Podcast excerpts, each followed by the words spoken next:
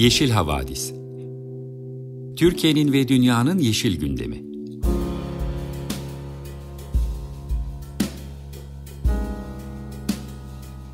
Hazırlayan ve sunanlar Demet Yaman Er, Savaş Çömlek, Dilan Altın Makas, Sare Abit ve Tansu Yeşilkır.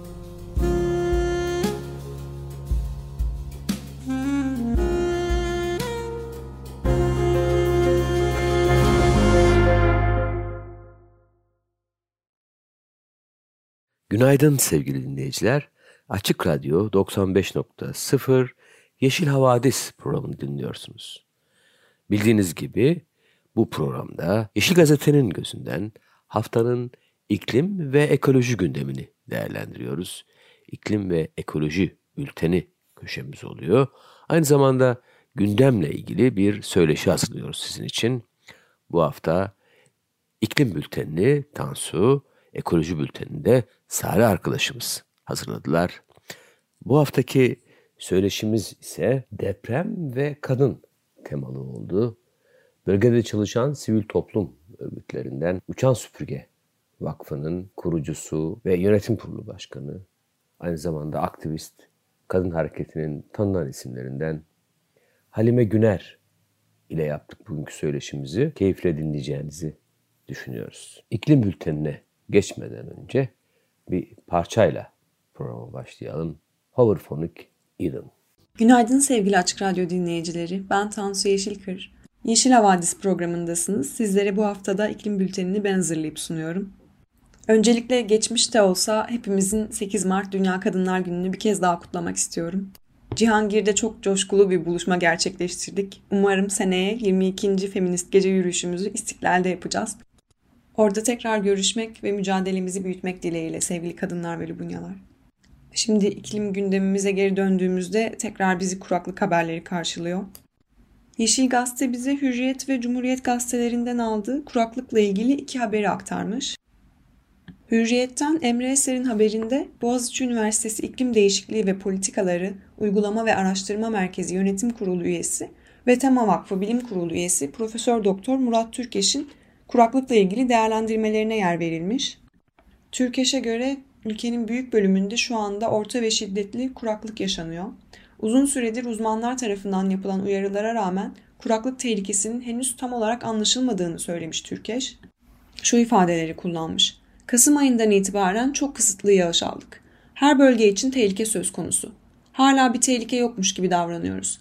Ciddi adım atan, bu durumun farkında olan bir kurumumuz yok. Temmuz ayı geldiğinde eyvah diyeceğiz. Sulama suyu ihtiyacımız o zaman daha çok ortaya çıkacak.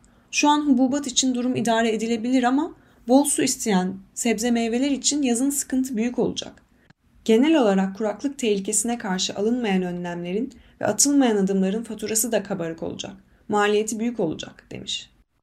Profesör Doktor Murat Türkeş başta İç Anadolu bölgesi ve Güneydoğu Anadolu bölgesi olmak üzere belirli alanlarda yanlış ürün seçimiyle üretimin yapıldığını da şu ifadelerle anlatmış. Tarımsal kuraklık yaşıyoruz. Yeterli su bulmakta zorlanıyoruz.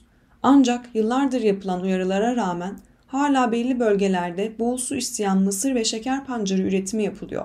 Üstelik çoğu yerde bu teşvik ediliyor. Çok büyük bir yanlış. Ürün desenimiz yanlış ve buralarda vahşi sulama yapılıyor.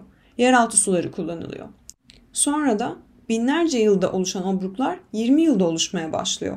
Fiziki coğrafyayı bile değiştiriyoruz. Hemen doğru yerde doğru ürün üretimine geçmeliyiz demiş. Türkiye'nin ciddi bir yağış ihtiyacı olduğunu söyleyen Profesör Doktor Murat Türkeş şöyle devam etmiş. Bizim toprağımıza düşen her damla suya sahip çıkmamız lazım. Ülkemiz su zengini değil. Yağışlardan elde ettiğimiz suyumuzun önemli bir bölümünü de kaybediyoruz. Bazı bölgelerimiz çölleşme riskiyle karşı karşıya. Acilen su toplama havzalarımıza, ormanlarımıza bu gözle sahip çıkmalıyız. Bu alanları koruyup genişletmeliyiz. Ayrıca konutlar gibi sanayide de ciddi bir su kullanımı var. Daha doğrusu sanayi atığını temiz sulara bırakıyor. Böylece az miktardaki temiz suyumuz da kirleniyor. Artık bunlara tolerans tanınmamalı demiş. Afetlerle ilgili başarısız imtihanımıza da değinmiş Murat Türkeş. Artık Türkiye'nin afetler konusunda bekleyecek vakti olmadığının altını çizmiş. Her afete karşı dirençli kentler inşa etmeliyiz demiş. Kentlerimiz kuraklığa da dirençli olmalı. keşke deprem bölgesinde yeniden yapılan konutlar yağmur hasadına göre inşa edilse ifadelerini kullanmış. Yeşil Gazete'nin Cumhuriyet'ten aktardığı haberse Ege'deki kuraklıkla ilgili. Haber şu şekilde. Kış aylarında yağış ortalamasının düşüşüyle İzmir, Manisa ile İç Ege'de yaşanan kuraklık resmi verilere de yansıdı. Meteoroloji Genel Müdürlüğü tarafından açıklanan ve son 6 aylık ve 3 aylık dönemi kapsayan yağış raporlarına göre orta kurak ve şiddetli kurak kuşağında yer alan Ege'nin büyük bölümü su konusunda alarm veriyor. Sıcaklıkların mevsim normallerinin üzerinde seyrettiği ve üst üste rekorlar kırılan bölge genelinde son verilere göre metrekareye düşen yağış miktarı %42 oranında azal azalmış. Suya hasret geçen ve ılık günler yaşanan kış mevsiminde ise ortalama yağışlı gün sayısı %60 oranında düşerek 10 güne kadar gerilemiş. Bilim insanlarına göre en sıcak yaz mevsiminin kapıya dayandığı ve Akdeniz ikliminin etkili olduğu bölgede baraj doluluk oranları da tablonun ciddiyetini gözler önüne sermiş. Bölgenin en büyük ili İzmir'de barajlardaki ortalama doluluk oranı %40'lar seviyesindeyken bu rakam geçen yıla göre %25 oranında gerilemiş. Manisa'da %20 seviyelerine gerileyen doluluk oranları Aydın'da ise %12 ile %30 arasında seyrediyormuş. Ziraat Mühendisleri Odası İzmir Şubesi Başkanı Hakan Çakıcı, hava sıcak olduğundan kış sebzeleri ve buğday gibi ürünler çabuk gelişti demiş. Ayrıca kar yağmadığından ötürü yeraltı sularında da yakın zamanda sıkıntı başlayacak. Yeraltı sularında da seviye düşüyor. Tüm bu faktörler verimliliğe yansıyacak. Rekolteler düşecek. Yaza yaklaşırken fiyatlar da yükselecek ve bazı ürünleri bulamayacağız. Şu anda tezgahlar dolu. Ürün bol, fiyatlar düşük gibi ama bu böyle gitmeyecek. Karşımızdaki bu kuraklığın asıl etkilerini önümüzdeki yaz göreceğiz. Barajlar, göller ve göletler daha az dolacak. Barajlarda su seviyesinin düşmesi demek, tarımın da bundan olumsuz etkilenmesi demek. Çünkü barajlardaki suyun %70'i tarımda kullanılıyor. Geçen sene bile kanallardan verilen sularda kısıtlamaya gidildi. Bu sene çiftçi çok daha büyük sıkıntı yaşayacak. Mısır, pamuk gibi ürünlerle buğday, sebzeler ve arpa gibi ürünlerde verim kayıpları ve yaz başlangıcında ani fiyat çıkışları olası. Ekmekte bile sorun yaşayabiliriz. Özellikle su bulamadığımız için mısırdan vazgeçebiliriz. Bu dolarlı yoldan hayvancılığı da etkileyecek ve hayvancılık kaynaklı ürünlerde fiyatlar yükselecek. Bundan kaçamayacağız. Pamuk yine düşüşte. Çiftçiler bunların yerine daha az su tüketen ayçiçeğine yöneldi. Var olan su kaynaklarımızı da kirlettiğimiz için iyice zorlanacağız. Ekili tarım alanlarının miktarı gün geçtikçe düşüyor. Çiftçi üretimden kopmaya devam ediyor. Bu sene geçtiğimiz yıldan daha da kötü günler yaşıyoruz diye konuşmuş. Bunları söyleyen Ziraat Mühendisleri Odası İzmir Şubesi Başkanı Hakan Çakıcı'ydı. Yine Ziraat Mühendisleri Odası Manisa Şube Başkanı Evren Yar, çiftçinin buğday gibi su istemeyen ürünlere yöneldiğini belirtmiş. Eğer kış böyle geçmeye devam ederse Manisa'da Konya gibi olacak demiş. Kuraklıkla ilgili hiçbir eylem planımız yok. Çiftçiler bu tehdide göre yönlendirilmiyor. Suyu daha fazla tüketen ürünlerin ekilmemesi ya da daha az su tüketen ürünlere yönelmeleri için bir tavsiye amacıyla bir uyarı yapılmadı. Devletin üreticiye bu konuda yardımcı olması gerekiyor. Yönlendirme yapılması lazım. Manisa'da çiftçiye ve tarlaya Demirköprü Barajı'ndan su geliyor. Bölgemizdeki çiftçilere buradan gelen su kanallar vasıtasıyla dağıtılıyor. Resmi rakamlara göre barajın su seviyesi eksi 9'a kadar düştü demiş. Bir barajın su seviyesinin eksi 9'a düşmesi ne demek oluyor ben anlayamıyorum şu anda. Böyle gittiği takdirde önümüzdeki aylarda çiftçilere su veremeyecekler demiş. Bizim bölgemizde çiftçilerin bir bölümü yaşanan su sıkıntısı ve kuraklık nedeniyle buğday gibi su istemeyen ürünlere yöneldi. Bu da bir bolluk yarattı. Mısır ekimimiz azaldı. Bunun önlenmesi gerekiyordu. Pamukta ve domateste büyük bir sorun yaşayabiliriz. Özellikle bölgemizin esas ürünü olan domateste bu yıl zorlu bir dönem bizi bekliyor demiş. Ziraat Mühendisleri Odası Manisa Şube Başkanı Evren Yarın bu konudaki önerisi de vahşi sulamadan derhal vazgeçilmesi ve modern sulama sistemlerine geçilmesi şeklinde olmuş. Hmm, bu haber çok uzunmuş. Bana ayrılan süreyi doldurduk aslında. Ama seçtiğim diğer iki haberi de çok kısaca özetleyeyim. Bu haber yüksek metan salımına sebep olan gıda üretimleriyle ilgili.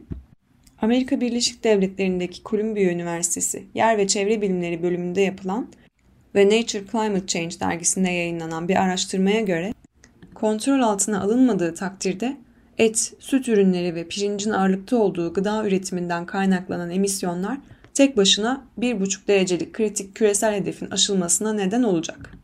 Yani fosil yakıtların devasa etkisini göz ardı edecek olursak bile yalnızca gıdadan kaynaklanan emisyonlar dünyanın 1,5 derecelik ısınma eşiğini aşmaya yeterli anlamına geliyormuş.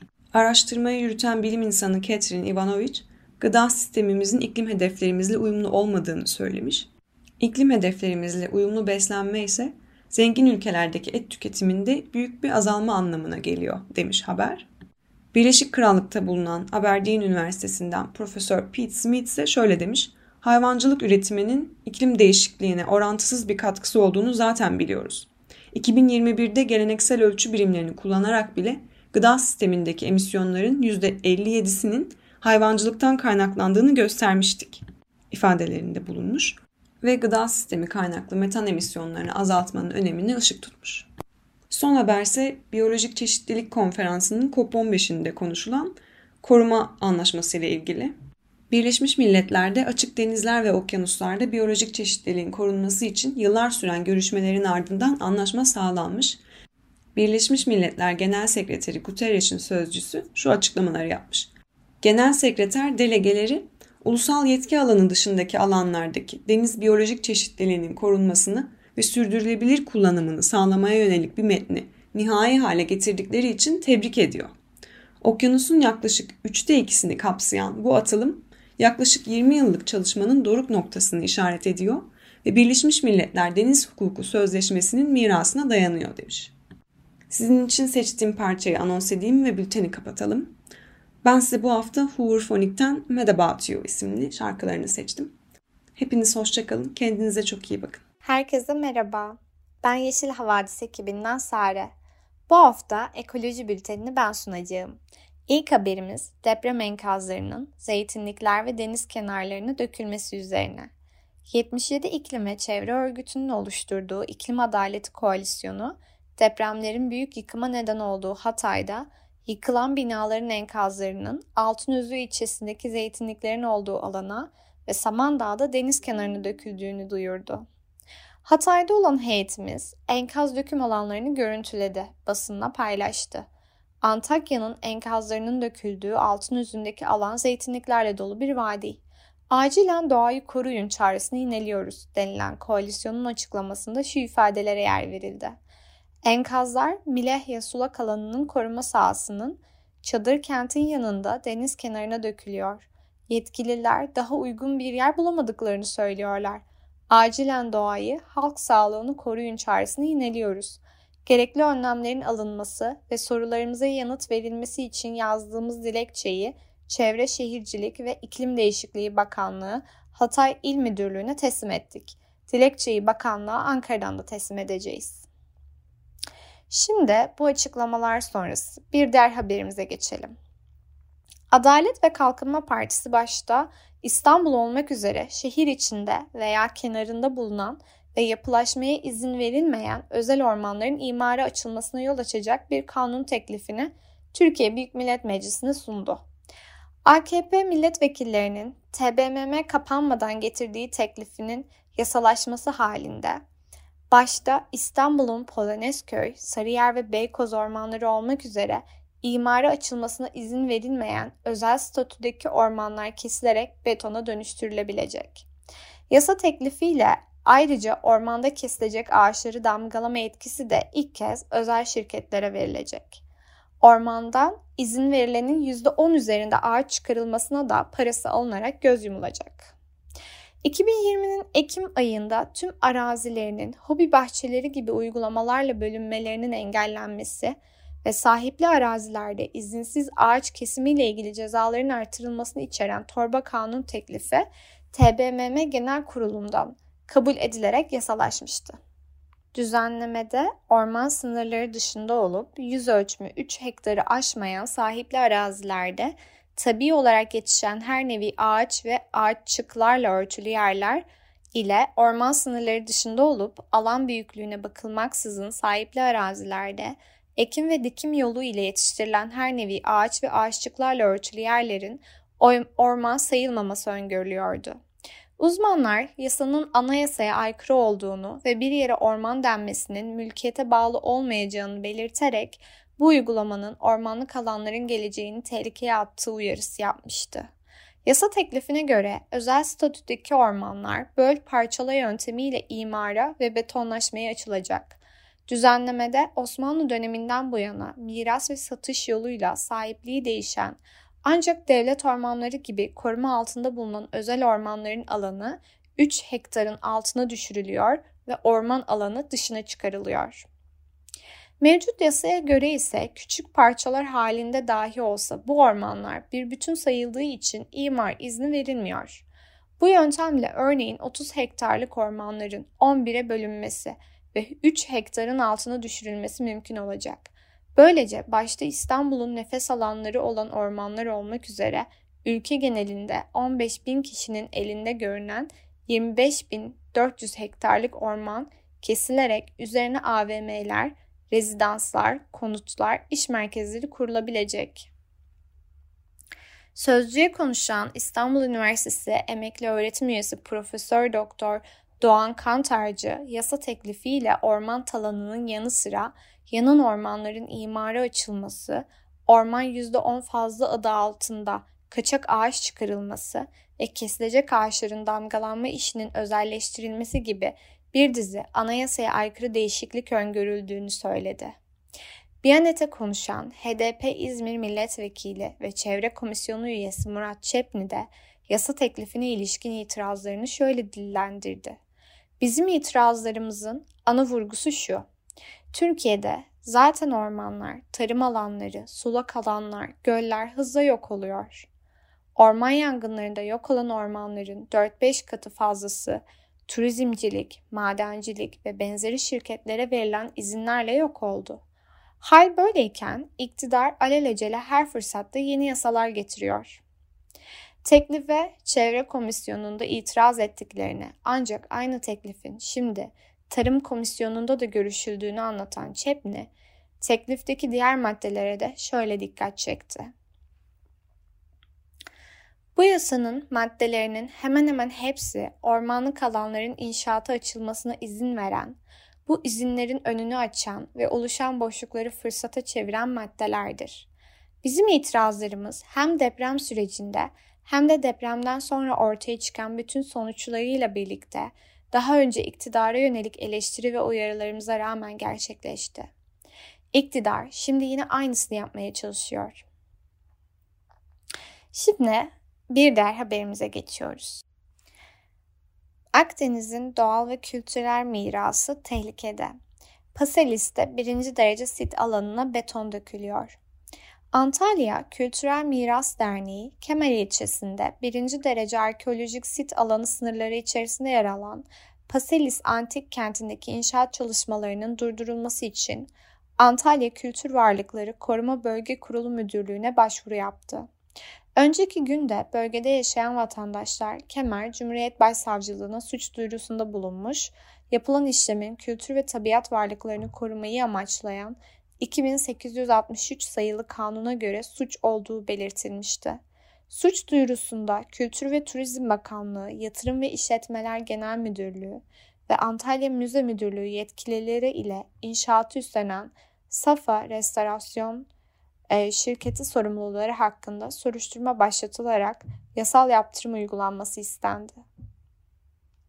Kültür ve Turizm Bakanlığı tarafından Paselis Antik Kenti'nin koruma alanı sınırları içerisinde başlatılan proje, 300'er şezlong konulacak iki ayrı halk plajı, çevre düzenlemesi ve günübirlik yapıların dışında iki mescit, yönetim ofisleri, çocuk oyun alanı, kafeterya, sergileme alanları ve tuvaletlerle yüzlerce araç kapasiteli otoparkı da kapsıyor. Bakanlık 30 Ocak'ta projeyi İstanbul merkezli restorasyon ve inşaat firması olan Safa Restorasyon e, İnşaat firmasına vermiş ve 14 Şubat'ta yer teslimi yapılan proje için iş makineleri geçen hafta antik kentin içine beton dökmeye başlamıştı. Bölge halkı, mimarlar odası, arkeologlar, sivil toplum örgütleri ve siyasi partilerin de karşı çıktığı projeye ilişkin karar sürecinde ise Çevre Şehircilik ve İklim Değişikliği Bakanlığı ile Tarım ve Orman Bakanlığı temsilcilerinin uygulamaya karşı oldukları beyan ettiği ancak Antalya Büyükşehir Belediyesi temsilcisinin verdiği onay sayesinde iştinata başlandığı ortaya çıktı. Duvardan Ceren Deniz'in aktardığına göre antik kentin sınırları içerisinde yer aldığı Kemer Belediyesi'nin temsilcisi ise toplantılara katılmadı.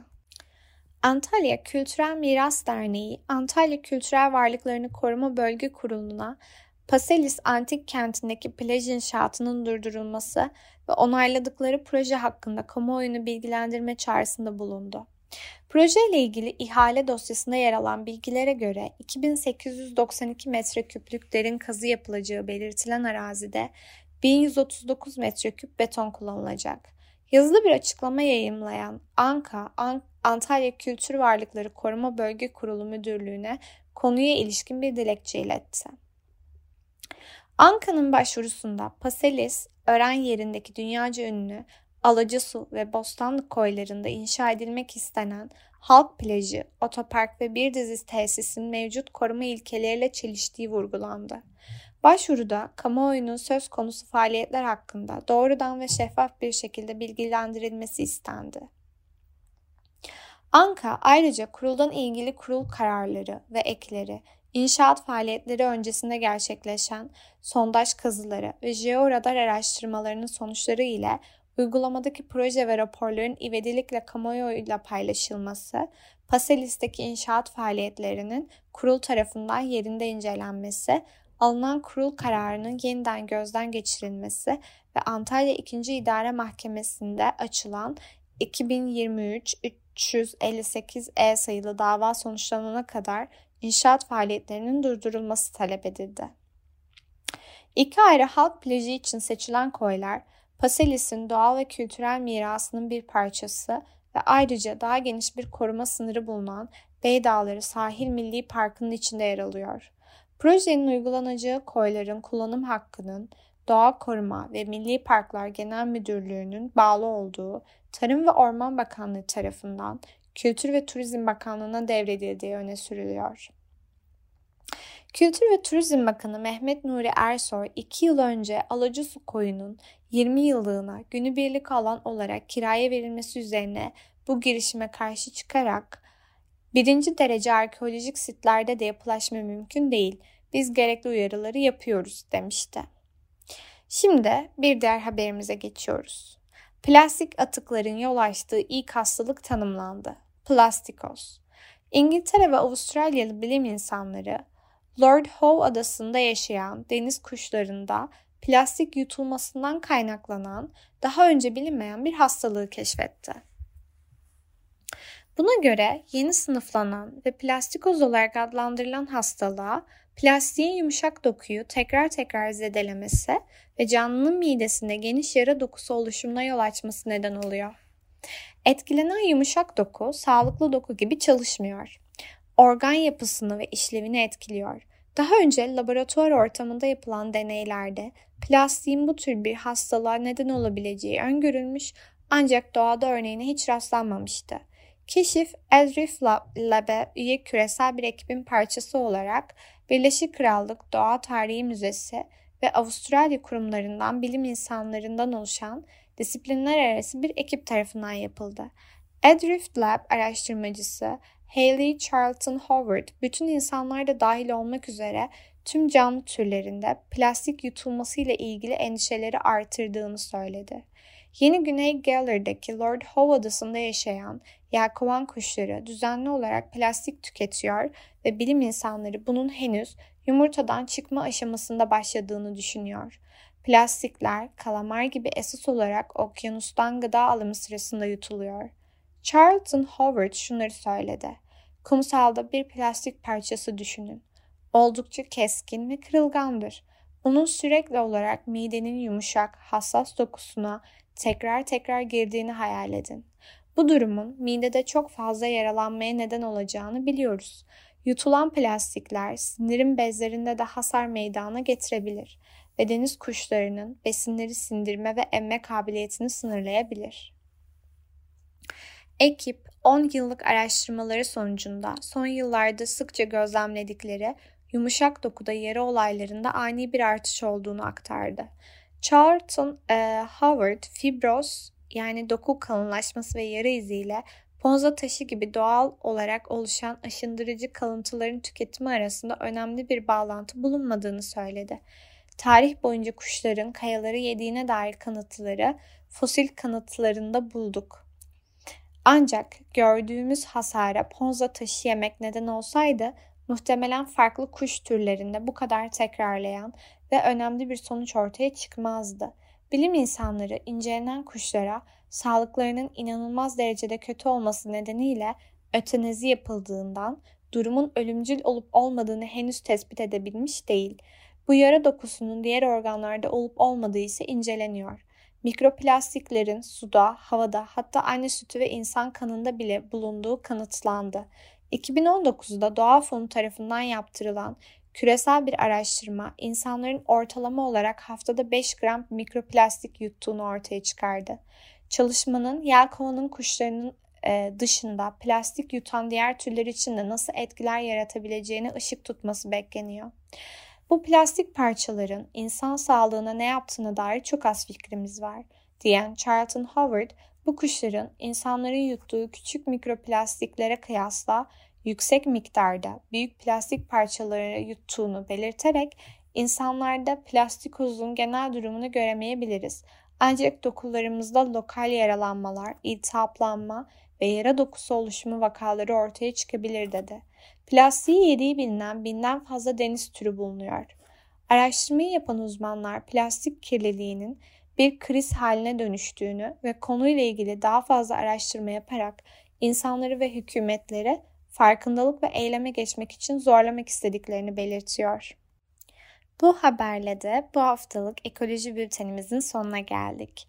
Şimdi Aurora'nın Running with the Wolf şarkısıyla devam ediyoruz. Sevgili dinleyiciler Açık Radyo 95.0 Yeşil Havadis programını dinliyorsunuz. Bugün bir konuğumuz var. Her zaman olduğu gibi Halime Güner'le konuşacağız. Kendisi Uçan Vakfı'nın daha doğrusu hem yönetim kurulu başkanı hem de emektarı, aktivist, kadın hareketinin hepimizin çok iyi tanıdığı isimlerinden bir tanesi. Alışık olduğumuz üzere deprem felaketini de hiç ıskalamamış ve çok yakın zamanda deprem bölgesinde bulunmuş, o konuda çalışmış bir isim kendisi.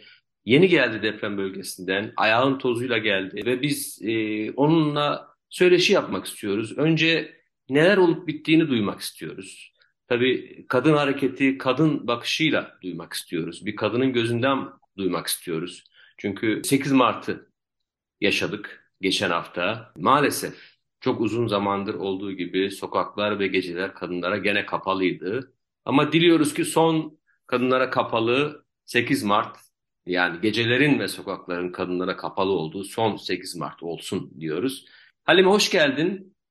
Merhaba, hoş bulduk. Ee, Savaş Bey merhaba, sağ olun davet ettiğiniz için. Hakikaten biz de çok teşekkür ederiz. Biz aslında hani en son dileğiniz çok güzeldi. 8 Mart'ların daha özgürce yasaklanmayan şarkılarımızı, sözlerimizi, e, taleplerimizi, isyanlarımızı dile getirebileceğimiz her renkten kadınlarla birlikte uluslararası 8 Mart Dünya Kadınlar Günü'nü birlikte kutlayacağımız İstiklal Caddesi ve diğer e, illerdeki yerlerde yapmayı hayal ediyoruz. Umarım bu son engelli 8 Mart olur. O dilekler bizim için kabuldür. E, çünkü çok ilginç şeylerle karşılaşıyoruz. Bizim uçan süpürgenin illerde 40 ilde yerel kadın muhabir ağlarımızdan oluşan bir grubumuz var. Oradan edindiğimiz bilgilerle öyle hani çok bitişik illerde emin olun hani bir ilde vali ya da yetkili mülki amirler diyelim şey 8 Mart için izin veriyor. Onun yanındakiler vermiyor. Bu da tabii ülkenin yapısal olarak hani bir bütünün parçası e, tek bakış, e, kişisel kararlar, e, tutarsızlık, bütün bunlar ne varsa e, hepsi bütün iller içinde de geçerli galiba. E, anlayacağınız hani e, bu bizim sizin dediğiniz iyi dilekler bize de iyi geldi. Şimdi e, Tabii şu dönemde e, ayağımın tozuyla deyiminizle e, deprem bölgesinden geldim. E, hakikaten samimiyetle şunu söyleyeyim. Çok etkilendim yani herkes gibi belki. Ama bu benim içimde e, çeşitli duyguları e, çok üst üste getirdi ve hangisini önce hangisini sonra söyleyeceğim konusunda bir seçme yapmadan samimiyetle bunları size içimden geldiği gibi anlatmak istiyorum. Televizyonda görüyor olabilirsiniz, çok geniş e, alanlardan, e, bütün bunlardan haberdarsınız, sürekli gösteriliyor ama galiba o kokuyu, o dokunmayı, o hissetmeyi, o kalp atışlarını görmek gerekiyor. Yani orada orada yaşayarak an, anlaşılıyor. E, ortalık toz duman, e, gözlerde bir umutsuzluk, ama bir o kadar da bütün oradaki görüştüğümüz, konuştuğumuz kadın erkek herkes için geçerli bu. Hepsinde tahmin edemeyeceğiniz kadar kızgınlık, öfke var. E, çünkü hani kurtarılabilirdi. E, birileri daha yardım edebilirdi.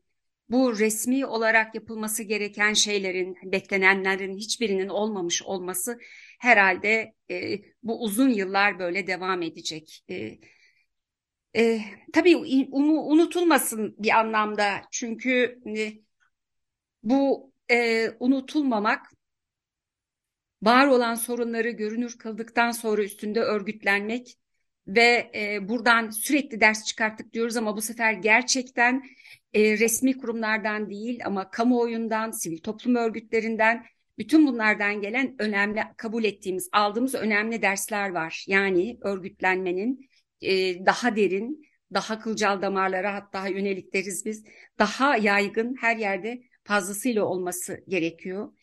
E, alanlarda çok fazla sivil toplum örgütü gördük. Zaten bu bunun açık bir şekilde tarifi. Birçok ilde e, herhangi bir resmi kurum gitmemişken bir sivil toplum örgütünün gitmesi ve samimiyetle de şunu söyleyeyim ağırlıklı olarak da kadın örgütlerinin gitmiş olması hani bir parça bütün bu mutsuzluklardan, tozdan, buluttan, yaşamın her şeyi insan e, elimizden alındığı, ellerinden alındığı bir dönemde küçücük de olsa bir umut oldu. Bu tip afetler doğal olarak hani herkes için geçerlidir. Ama afet sonrası yapılan bu e, muameleler, bu gelişmeler tabii ki doğal olmayan yanlardır. Aynen toplumdaki eşitsizliği tarif ettiğinizde hiç de farkı yok. Eşitsizlikten kastettiğim şey hep şunu söylüyoruz her toplantıda uçan süpürgede. Öncelikle bulunduğumuz atmosferi tanımlarken adaletsizliğin ikliminin içinden geçiyoruz. Bunu biliyoruz. Bir de buna son zamanlarda korkunun iklimi eklendi. Yani üç kişi bir beş kişi bir arada olmayacak işte tweet atmayacak başka bir şey yapmayacak. Korkunun iklimi sizi aslında yalnızlaştırır. Daha küçük gruplar içerisinde koyar. E, neden? Çünkü daha geniş kitlelerle ilgili iletişim kurmayın. Çünkü iletişim etkileşimi getirir ve gerçekleri karşılıklı birlikte konuştuktan sonra zaten çözmenin yollarını ararsınız. E, yani böyle bir e, şey var e, e, son zamanların yaşadığımız atmosferde derken bir de tabii hangi zemin üzerinden konuşan kadınlar ve kadın örgütleriyiz? Nedir bizim durduğumuz yer? Biliyorsunuz belki ama ya da dinleyenler biliyordur. Şu anda yerel yönetimlerin yüzde 97'si erkekler. Türkiye'de yerel yönetimlerin yüzde 97'si erkek. Meclisimizin var ya sürekli izlediğimiz kararların alındığı yer. Meclisimizin yüzde 83'ü erkekler. Yani Böyle bir ülkede, böyle bir yönetimde, böyle bir anlayışta bu ülkede kadınlar ve kadın örgütleri olarak inanılmaz bir mücadele veriyoruz. Bu mücadeleler tabii aşama aşama hepsi birbirini tamamlayan bir gelişme sağladı. Çok yakın bir zamanda e, pandemi yaşadık biliyorsunuz. Orada dijitalleşmenin getirdiği avantajlarla biz e, birçok e, şehirde hani gidemediğimiz mesafe olarak çok uzak gelen yerlerde yerlere biz e, Zoom toplantılarıyla ulaştık. Orada neyi öğrendik? Neyi geçmişteki hak mücadelemize eklediğimiz şey neydi? Çünkü hak mücadelesini çok iyi biliyoruz. bunlarla ilgili uzun yıllar çok emek verdik. Ama orada öğrendiklerimiz daha çok olmak, farklılıklarla bir arada olmak, e, ve e, yereldeki sorunların çözülebilme örneklerini birbirine taşımak. Eşitlik için Kadın Platformu tabii ki başka platformlar var, Kadın Koalisyonu var, e, Birlikte Güçlüyüz var. O kadar çok kadın örgütleri kendi aralarında bu platformları kurarak bu iletişimi güçlendirdi. Ve burada böyle zor zamanlarda biz yeni e, şeyleri, mücadele alanlarımızı birlikte keşfettik. Bunlar üzerine ilerledik. Şimdi tabii bu geldiğimiz noktada özellikle bu depremle ilgili yaşadıklarımız da bize geçmişteki bütün bu bilgilerimizin üstüne eklediğimiz yardımlaşarak dayanışmayı, dayanışarak yardımlaşmayı öğrendik. E, dayanışma sözcüğü bizim kadın örgütleri için mutlaka olmazsa olmazımızdır. Ama bazen yardım istemek, yardımlaşmak, dayanışmak bütün bunlar yan yana olduğunda zaten geçmişimizde e, hak mücadelelerinin içerisinden geçmiş, bunları öğrenmiş, sonradan çoğalmış, çeşitlenmiş ve artık birçok ilde ne kadar çok kadınız demişiz. Şimdi de bu dayanışma kendini çok fazlasıyla gösterdi. Alanda mortarlardan e, ilgili kurum kuruluşların temsilcilerine, yardımlarla ilgili ilanlardan kadınların iş istihdamına yönelik uzun vadede hatta orta vade şimdi de böyle bir çalışmaların listelerine kadar her şeyle karşılaştık. Çok üzünlüyüm tabii ki, çok etkilendim. Yani e, keşke dinleyenler bütün bu söylediklerimiz üzerine olanakları olanlar gitsinler yerleri görsünler. Bütün bu yani bu nasıl olabilir? Bu bu kadar buradan çok kolaylıkla birisi destek olsa eminim bu kadar çok ölü olmaz, bu kadar çok e, şey e, felaket yaşanmaz diyenler de var. E, bu kadar altyapısıyla ilgili imkansız nasıl olur da buraya böyle bir e, izin verilebilir, böyle evler yapılabilir. Sadece bunun sadece müteahhiti değil, hani yerel yönetimleri ilgili kişiler kimlerdir? Bunlar hepsi bu konuyla ilgili nasıl hesap sora, hesap sorulması gerekir?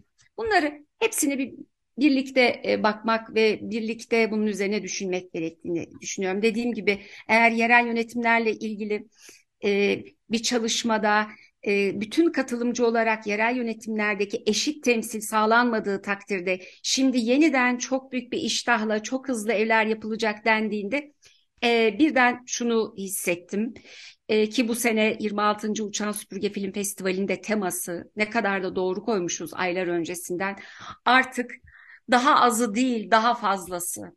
Gerçekten daha azı değil daha fazlasını talep etmek, istemek ama çok iyi tarif etmek lazım. Bu gücü de göstermek lazım. E, kadın örgütlerinin e, hem e, en son anayasa değişikliğiyle ilgili hem de daha önceki e, hatta 103. madde dediğimiz gece yarısı biliyorsunuz e, çocukları tecavüzcü, tecavüzcüleriyle evlendirme yasası diye kamuoyunda bilinen böyle bir maddenin e, meclise getirilip az daha kabul edilmek üzereyken muhalefetin kadın örgütlerine bu konuda aman ne yapılıyor mecliste haberiniz var mı demesi üzerine bütün Türkiye ayağa kalktı. Bunun için platformlar kuruldu. Ee, bizim İstanbul Sözleşmesi ile ilgili olarak Türkiye'nin genelinde bu konu ne kadar çok o, bilinmez bir konuymuş meğer. Yüzde beşmiş hani İstanbul Sözleşmesi ile ilgili bilgisi olanlar ama şimdi yüzde doksanlara ulaştı kadınlar ve kadın örgütlerinin doğru bilgiyi aktararak ve ilgili bütün alanlarda bunları çok iyi ifade ederek ve bütün kamuoyunun ah meğer buymuş bu dedikleri anladıkları bir olayda bunları aktardı anlattı ve şimdi e, artık e, bu konuda e, bütün e, iktidar olmak isteyen siyasi partiler, Saadet Partisi hariç tabii o da ayrı ama hepsinin İstanbul Sözleşmesi'ni geri getiriyoruz deyip bunları parti şeylerine sözlerinin içerisine, vaat ettikleri sözlerin içine almış olması kadın hareketinin getirdiği mücadele, kadın hareketinin bugüne kadarki kat, kat ettiği yollar, bütün bunların sonucu. Ben hemen bir araya girmek istiyorum izninle. Şimdi çok sevindirici tabii söylediğin, e, bize aktardığın deprem bölgesinde kadınların dayanışması, kadınların sivil toplum örgütlerinin o bölgede görünür olması çok sevindirici. Hatta ben 8 Mart en beğendiğim 8 Mart gösterilerinden birisi de e, yine deprem bölgesinde kadınların yıkıntıların arasında yaptığı gösteriydi. E, kadın mücadelesinin e, deprem bölgesinde de devam ediyor olması sevindirici ama tabii e, bütün afetlerde olduğu gibi bu afetlerden ne yazık ki kadınlar ve çocuklar toplumun diğer kesimlerinden daha fazla etkileniyorlar, daha fazla mağdur oluyorlar. Orada da bu mağduriyet mutlaka vardır. Bununla ilgili bir şeyler söylemek ister misin? Bu mağduriyetle ilgili, deprem kadınlarının mağduriyetiyle ilgili. Bu konuda belki bu kadınlardan bize gelen bir mesaj vardır. Veya toplumun diğer kesimlerinin, ülkenin diğer bölgelerinin duyması gereken şeyler vardır. Onlardan da söz eder misin biraz bize?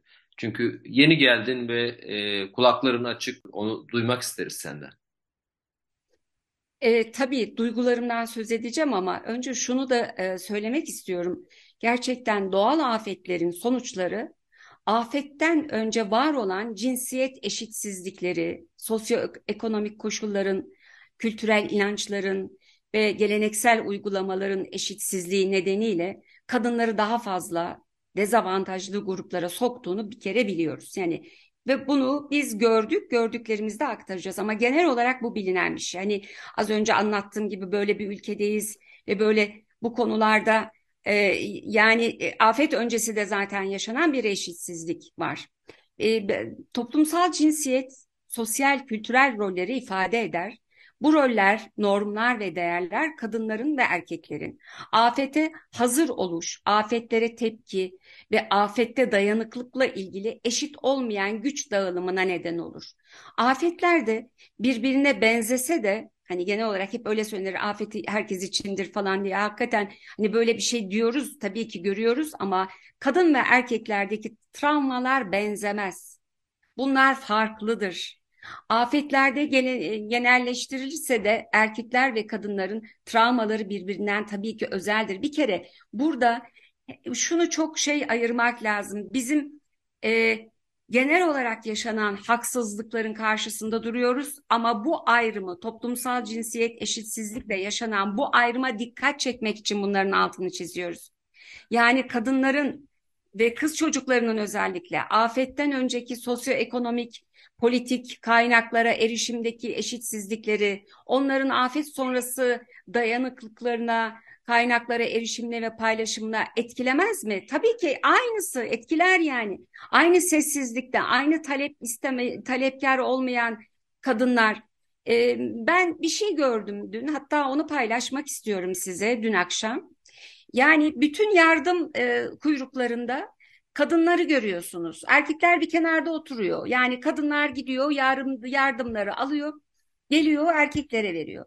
Akşamüstü bir sürü e, aile tek bir çadırda. Yani düşünebiliyor musun? Sıkışık, küçük.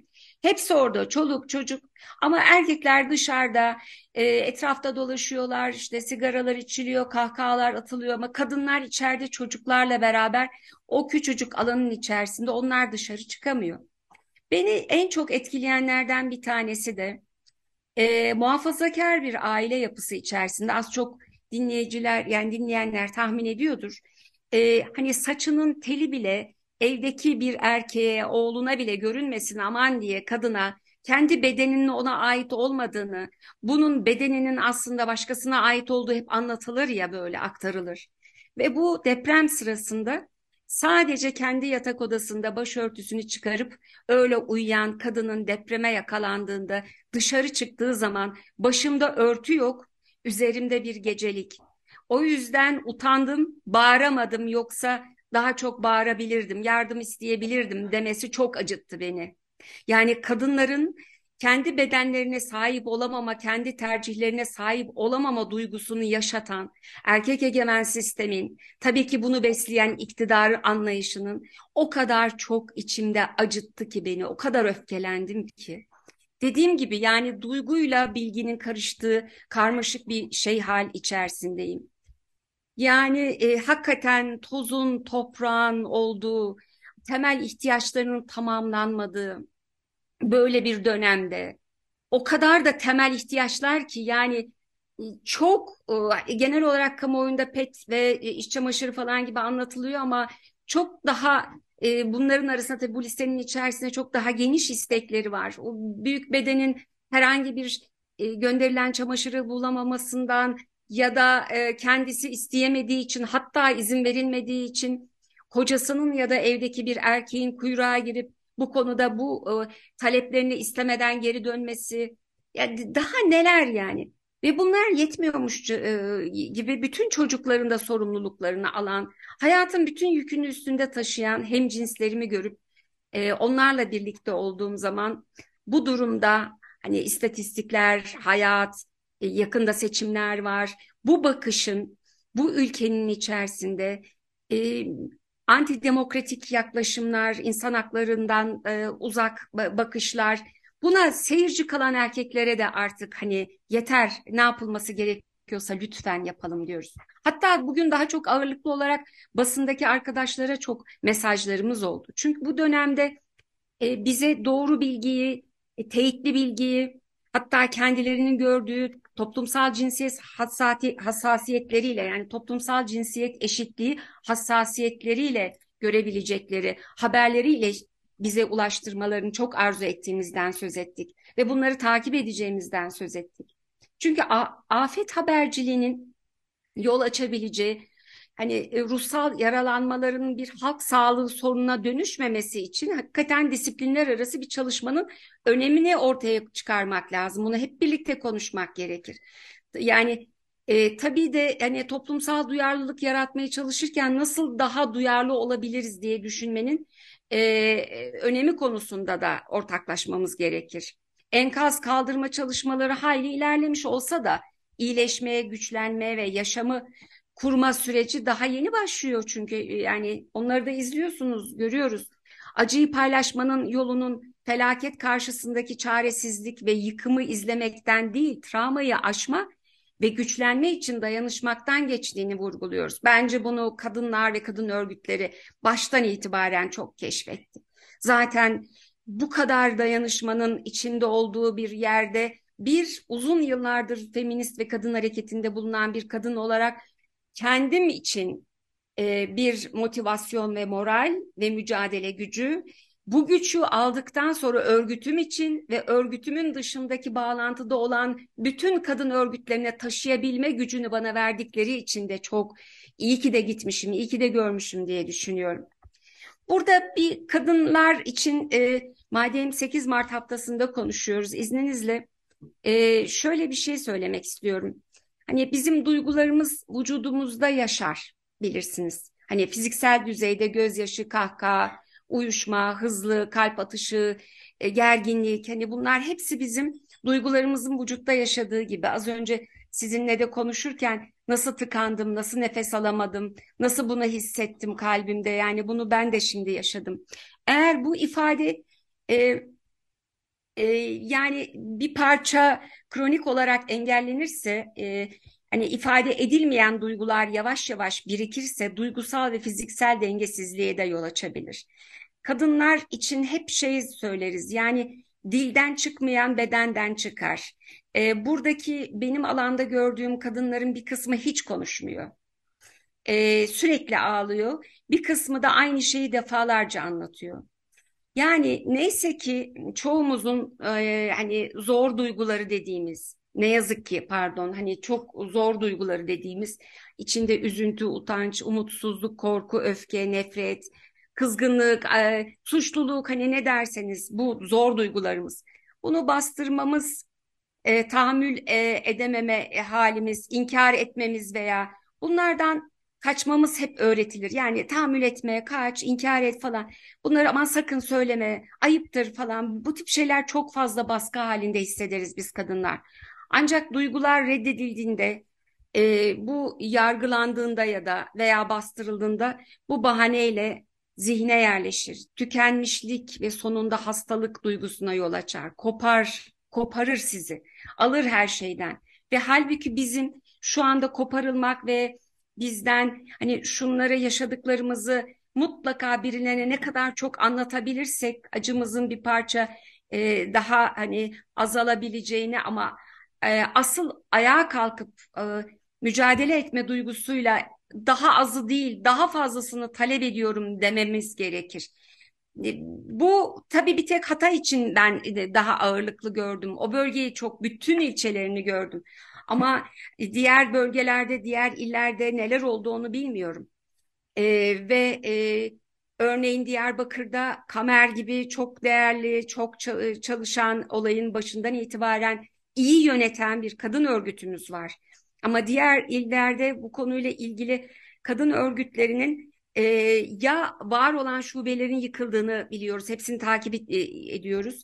Ya da e, küçük gruplar halinde halen ne yapılacak, e, ne yapılacağı ile ilgili tereddütleri olduğunu görüyoruz. Bundan sonraki süreç için hayalimiz ve istediğimiz yereldeki kadın örgütlenmelerini güçlendirmeye yönelik neler yapabiliriz? Uçan Süpürge Vakfı olarak, Uçan Süpürge Yerel Kadın Muhabirleri olarak hani size baştan biz önce hak temelli çalışmayı yaptık ve onu çok iyi öğrendik demiştik. Sonra arkasından çoğaldık, örgütlenme çeşitliliğini illerde yaydık dedik. Şimdi dayanışarak örgütlenmeyi, örgütlenerek dayanışmayı öğreniyoruz demiştik. Bütün bu adımlar, bu birikimler bizim tarihimiz. Biz bunlarla bugüne kadar geldik. Ve buradan ilerleyerek bundan sonra da yerel kadın muhabirlerimizle birlikte ya da e, gönüllü olarak buradan da çağrı yapabiliriz. Bizim için illerde yerel kadın muhabirimiz olmasını istediğimiz arkadaşlarımıza çağrımız kendi yaşadıklarınızı kendi duygularınızla ifade edin. Çünkü sizin hayatlarınızı bir başkası anlatmasın. Hep öyledir ya hikayecinin anlatıcıları değiştiğinde hikayenin kendisi değişir. Orada yaşadıklarınızı anlatın, yazın. Çünkü içinizden bu mutlaka çıkmalı. Ee, bu konuda e, yereldeki kadın örgütlerinin güçlendirilmesi konusunda tekrar bütün 11 ile gitmeyi ve bu alanda destek dayanışma göstermeyi istiyoruz. Biz belki biliyorsunuzdur e, Uluslararası Kadın Filmleri Festivali düzenleyen de bir vakıfız. Bu sene 26. festivalimiz olacak. Biz kadın yönetmenlerin çektiği filmleri gösteren bir festivaliz. Kültür sanatın da çok iyileştirici bir gücü olduğunu bildiğimiz için e, bu yıl festivali 11 ilde onların istediği tarihte onların istediği e, e, şekilde oradaki kadınlarla birlikte yapmayı da e, söz vererek döndük. Benim anlatacaklarım bunlar. Çok teşekkür ederiz Halime. Deprem sonrası travmaların özellikle tabii ki en çok kadınları etkiliyor. En çok dezavantajlı grupları etkiliyor bu tür travmalar. Yani şu hayata tekrar dönmeye hepimizin ihtiyacı var.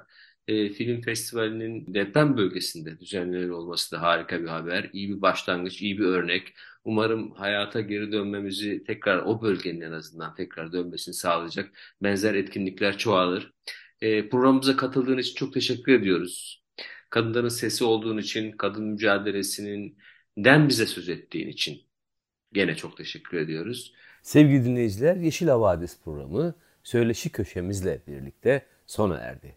Bir sonraki hafta görüşmek dileğiyle bugünlük hoşçakalın.